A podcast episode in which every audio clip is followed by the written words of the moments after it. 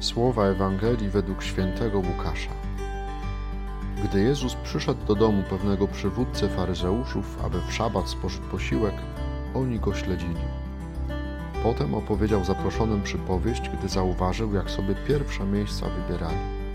Tak mówił do nich.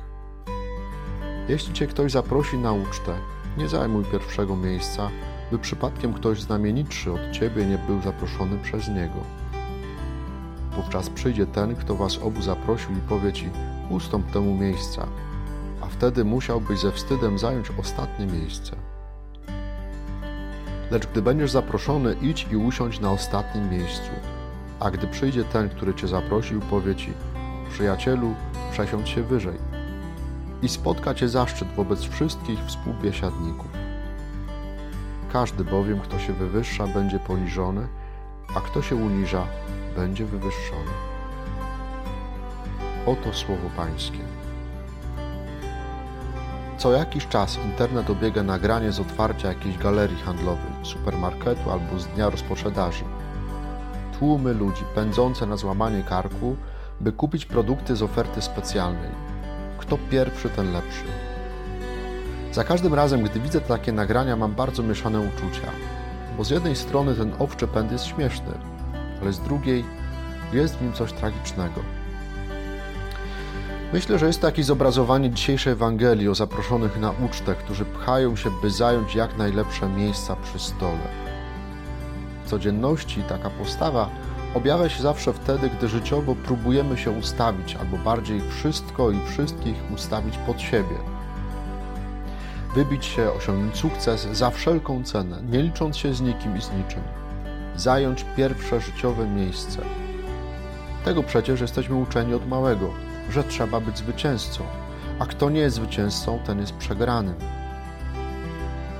Jak bardzo przeżywamy jednak wszystkie te, te sytuacje, gdy okazuje się, że nie, nie jestem, że nie jestem zwycięzcą, że nie znam się na wszystkim, że ktoś wie więcej ode mnie, potrafi coś więcej, zna się na tym lepiej.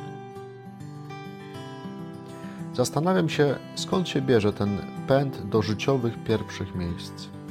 Może z tego, że nie widzimy i nie doceniamy i nie wykorzystujemy tego miejsca, które przeznaczył dla nas w życiu Pan Bóg.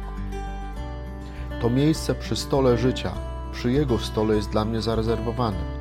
Nie muszę się pchać, niszczyć, deptać innych, by to osiągnąć. Ja mam swoje miejsce w sercu Boga, którego nikt nie może mi zabrać.